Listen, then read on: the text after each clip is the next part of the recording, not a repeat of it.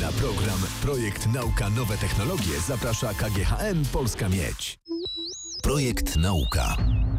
Przed mikrofonem Krzysztof Majewski. Patryk Stelina, kompozytor, twórca gier, wykładowca. Dzień dobry. Dzień dobry, witam serdecznie. Będziemy rozmawiać o bardzo wielu tematach. Wszystkie będą krążyć wokół gier, a to dlatego, że jako twórca gier znasz trochę ten świat, który my znamy trochę z drugiej strony. Ze strony myszki, klawiatury, ze strony pada, a zawsze zastanawia nas przynajmniej mnie i mam nadzieję, że część naszych słuchaczy, jak to jest, kiedy siedzi się po drugiej stronie? Jak długo to trwa? Po co? Dlaczego? E, czy jest to łatwe? Czy jest to trudne? Czy jest to normalna praca? Czy jest to nienormalna praca? Tych tematów będzie naprawdę dużo, ale zacznijmy od szkoły. Czy w szkole dostałeś jakiekolwiek inspiracje, wiadomości, umiejętności, które pomogły ci później wejść w tę branżę? Szkoła tak naprawdę w tych czasach, kiedy ja się uczyłem, czyli jeszcze w latach 90., tak naprawdę nie interesowała się specjalnie grami. To było wtedy wciąż coś nowego. Zresztą dalej jest, ale dzisiaj już e, nauczyciele to są nauczyciele powiedzmy z mojego pokolenia, więc to są ludzie, którzy sami już w gry grali i też je doceniają i dostrzegają, że jest to pewna forma sztuki. Kiedyś było to jakieś fiubździu, które można byłoby tak powiedzieć, które dzieciom się podobało, a dorośli nie bardzo rozumieli, co to jest i o co chodzi. Dlatego też też powiedziałbym za moich czasów, jakkolwiek dziwacznie to nie brzmi, no nie było takiego zainteresowania ze strony, powiedziałbym, tej kadry. Tak jak mówię, z tego względu przede wszystkim, że to były osoby, które tymi grami się nie interesowały, nie wychowywały się. My się już wychowywaliśmy na grach, więc nauczyciele z naszego pokolenia dzisiaj sami dążą do tego, żeby te gry inicjować i też zainteresowanie tworzeniem gier, bo nie tylko graniem, ale tworzeniem gier zaczynają się interesować i też starają się przekazywać swoim uczniom to zainteresowanie, by nie tylko grali w te gry, ale też żeby się interesowali ich produkcją, powstawaniem. Ty jesteś takim przykładem. No, w, w jakimś małym stopniu tak naprawdę, bo tak naprawdę moja cegiełka, którą dokładam, to jest jakaś tam, powiedziałbym, tylko wisienka na torcie, bo prawda jest taka, że produkcja gier to jest bardzo skomplikowany temat i długotrwały przede wszystkim proces, a muzyka, no jest, powiedziałbym, tym elementem, który trafia może bardziej do, do duszy odbiorców, graczy, Natomiast e, z pewnością nie jest ona tak skomplikowanym i, i dużym elementem, na który składa się cały proces tworzenia gier. Gdybyśmy porównali proces tworzenia gier, to najbardziej przypominałby nam proces tworzenia filmu najpewniej. No właśnie okazuje się, że nie do końca, e, bo w przypadku filmów e, ta praca jest bardzo często linearna. W przypadku tworzenia gier gra musi w jakimś stopniu powstać, by móc ją przetestować, trzeba się cofnąć o kilka kroków, coś poprawić i tak dalej. W przypadku filmu oczywiście też zdarzają się takie rzeczy, bo są jakieś dokrętki, jeżeli na przykład na etapie montażu okaże się, że jakaś scena nie wyszła, twórcy decydują się na powrót na plan i zmianę, na przykład nakręcenie jakiejś sceny na nowo. W przypadku gier to jest na porządku dziennym, to nie jest jakaś wypadkowa, która pod względem błędu gdzieś tam się pojawia, to jest normalny proces. Coś się tworzy, wraca trzeba, się i tak dalej. Ale jest nieco łatwiej, bo nie trzeba pakować całej ekipy w samolot do Nowej Zelandii i ściągać 10 tirów scenografii. No tak, pod tym względem prawdopodobnie tak, e, aczkolwiek przy dużych produkcjach gier może się okazać podobnie, bo jednak też wykorzystywana jest technologia i aktorzy przecież w tych dużych produkcjach, a, a często jest tak, że aktorzy są e, najmowani do sesji tak zwanych mock-upowych, gdzie odgrywają swoje role, tak jakby grali w filmie. E, więc możliwe, że podobnie to wygląda. Aczkolwiek tutaj się nie, wy, nie wypowiem, bo tego tematu aż tak dobrze nie znam. Jest to niewykluczone. Cyberpunk 2077 mm. za rogiem. Keanu Reeves pewnie musiał spędzić sporo czasu CD Projekt Red, żeby wyglądać nawet w tych trailerach tak, jak wygląda w tym momencie. Kiedy zaczynałeś komponować muzykę, to od czego się zaczęło? Od komputera czy od skrzypiec? Aha, e, od komputera oczywiście. Ze skrzypcami to mam kontakt tylko wizualny, że tak powiem. E, natomiast tak, no przede wszystkim komputer dla mnie był taką przepustką do tego świata. Byłem, miałeś naście, 10 lat? Nie, no miałem jakieś chyba 12 czy 11 lat, kiedy zafascynował mnie w ogóle temat tworzenia muzyki w tym stopniu, czy raczej już na takim etapie, kiedy zdawałem sobie sprawę z tego, że mógłbym to robić, e, używając komputera, bo już widziałem, że jest to możliwe. Wcześniej byłem zafascynowany muzyką i, i, i oczywiście jako dziecko chciałem być gwiazdą rocka i tak dalej, jak chyba każdy. Tak, tak, szanuję. E... To bardzo mnie zastanawia, na czym robiłeś w 90 latach muzykę na komputerze. E, no tak, to było wyzwanie nie lada, nie da się zaprzeczyć. Prawda jest taka, że w tamtych czasach nie było takiej możliwości, żeby tworzyć muzykę zupełnie od podstaw na komputerze, a przynajmniej no nie w takiej formie powiedziałbym jak dzisiaj. Mm, dlatego wykorzystywało się na przykład sample, wykorzystywało się jakieś fragmenty cudzych nagrań, tak trochę, trochę tak jak to powiedzmy robili hip-hopowcy. I nadal robią. E, I nadal robią. To w tamtych czasach to był najlepszy sposób na uzyskanie ciekawych przede wszystkim no, brzmień. Samplowanie cudzych utworów i przerabianie tego w jakiś sposób e, i tworzenie tworzenie jakby nowej, nowej jakości. W ten sposób z kolegą w zasadzie tworzyliśmy muzykę inspirując się takimi kapelami jak Prodigy, czy na przykład Fatboy Slim. Okej, okay, będzie tam pewnie Daft Punk też. Daft Punk oczywiście, Chemical Brothers, mhm. jeszcze była taka brytyjska kapela Freestylers, nie mylić oczywiście z Bombfam, Bombfam MCs. A gdybyś porównał to, co działo się w latach 90. na twoim komputerze do tego, co dzieje się teraz, to jak wiele się zmieniło? Poza tym, że wszystko? W zasadzie tak, faktycznie wszystko.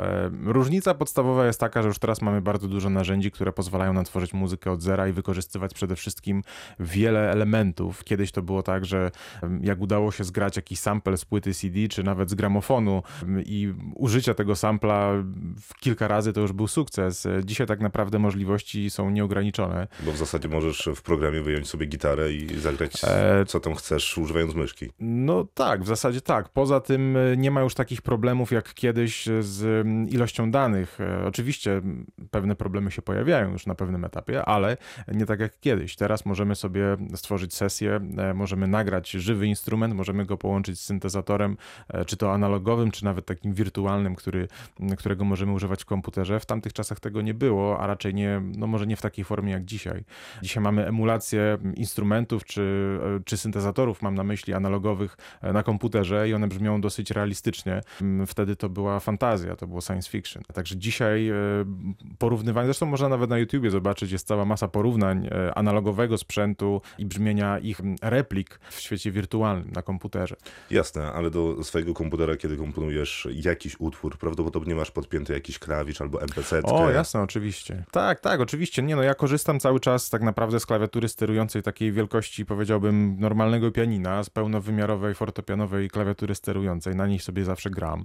I ona przesyła komunikaty oczywiście do komputera. E, natomiast prawdą jest, że staram się jak najwięcej używać też żywych nagrań, więc staram się jak najwięcej nagrywać sam i zawsze, kiedy mogę, to też staram się angażować instrumentalistów do e, tego, co, co tworzę. Jeżeli mam tylko taką możliwość, to zawsze wybieram tę drogę, bo tak jest lepiej. To już nawet nie chodzi o, o fakt, że żywe instrumenty brzmią lepiej, bo brzmią, ale też każdy instrumentalista jako dodatkowy artysta dodaje coś do takiego projektu od siebie.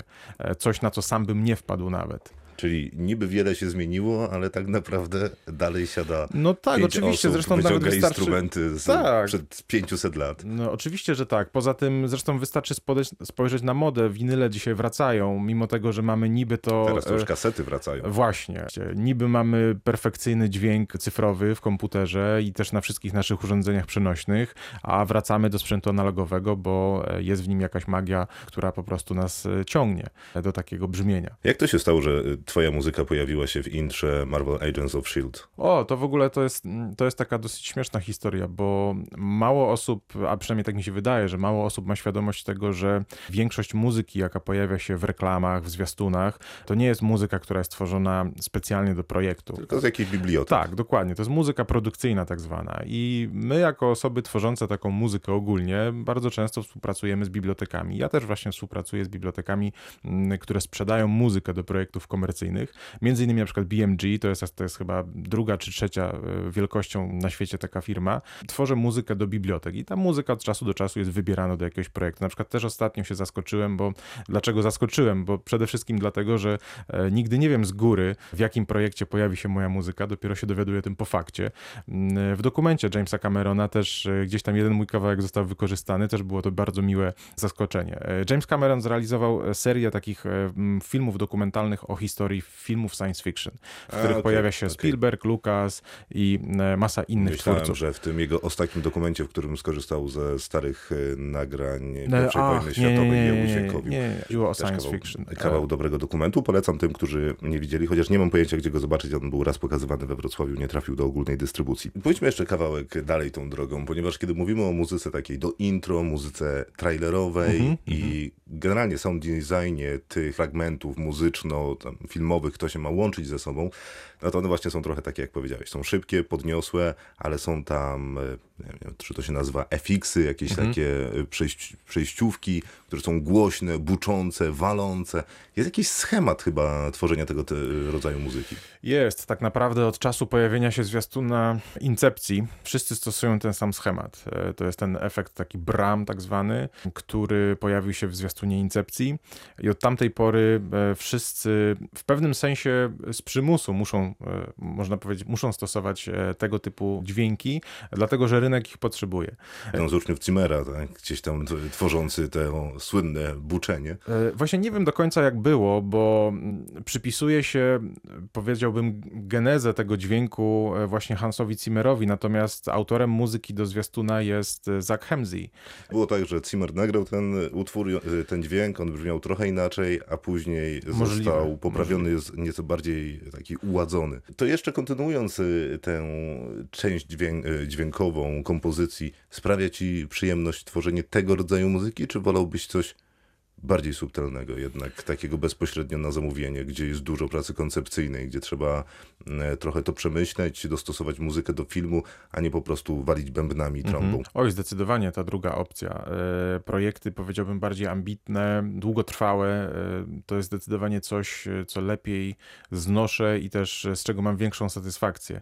Dlatego, że gdy mam więcej czasu na to przede wszystkim przetestować pewne pomysły, ale też by dojrzeć nawet do jakiegoś projektu. Tak było na przykład z My Memory of Us, to jest gra, którą e, w tamtym roku wydaliśmy, a raczej wydało studio e, Juggler Games. To jest e, projekt, na który poświęciłem bardzo dużo czasu, energii i też e, z którego mam największą satysfakcję do tej pory, dlatego że no właśnie koncepcyjnie tutaj dużo przemyśleń, dużo czasu i dużo przeinaczeń jakichś, powiedziałbym, w głowie musiałem przejść, e, żeby dojść do tego właściwego brzmienia. Ostatnio nawet przez przypadek znalazłem gdzieś w czeluściach swojego dysku twardego jakieś pierwsze demówki, które robiłem do tej gry i to jest kompletnie coś innego niż finalnie w niej zaistniało. Właśnie dlatego, że było dużo czasu. Ja praktycznie dwa lata żyłem tym projektem i dzięki temu też ta muzyka brzmi tak, jak brzmi. Oczywiście mogłaby być lepsza i zawsze chciałoby się, żeby coś e, wyszło lepiej. A to stary E, problem kompozytorów tak, i muzyków, oczywiście. że piosenka nigdy nie jest skończona. Dokładnie, dokładnie. Dopóki nie przyjdzie deadline. Y, A powiedz, czy ty zajmujesz się, zajmujesz się też sound designem, czy tylko muzyką oryginalną?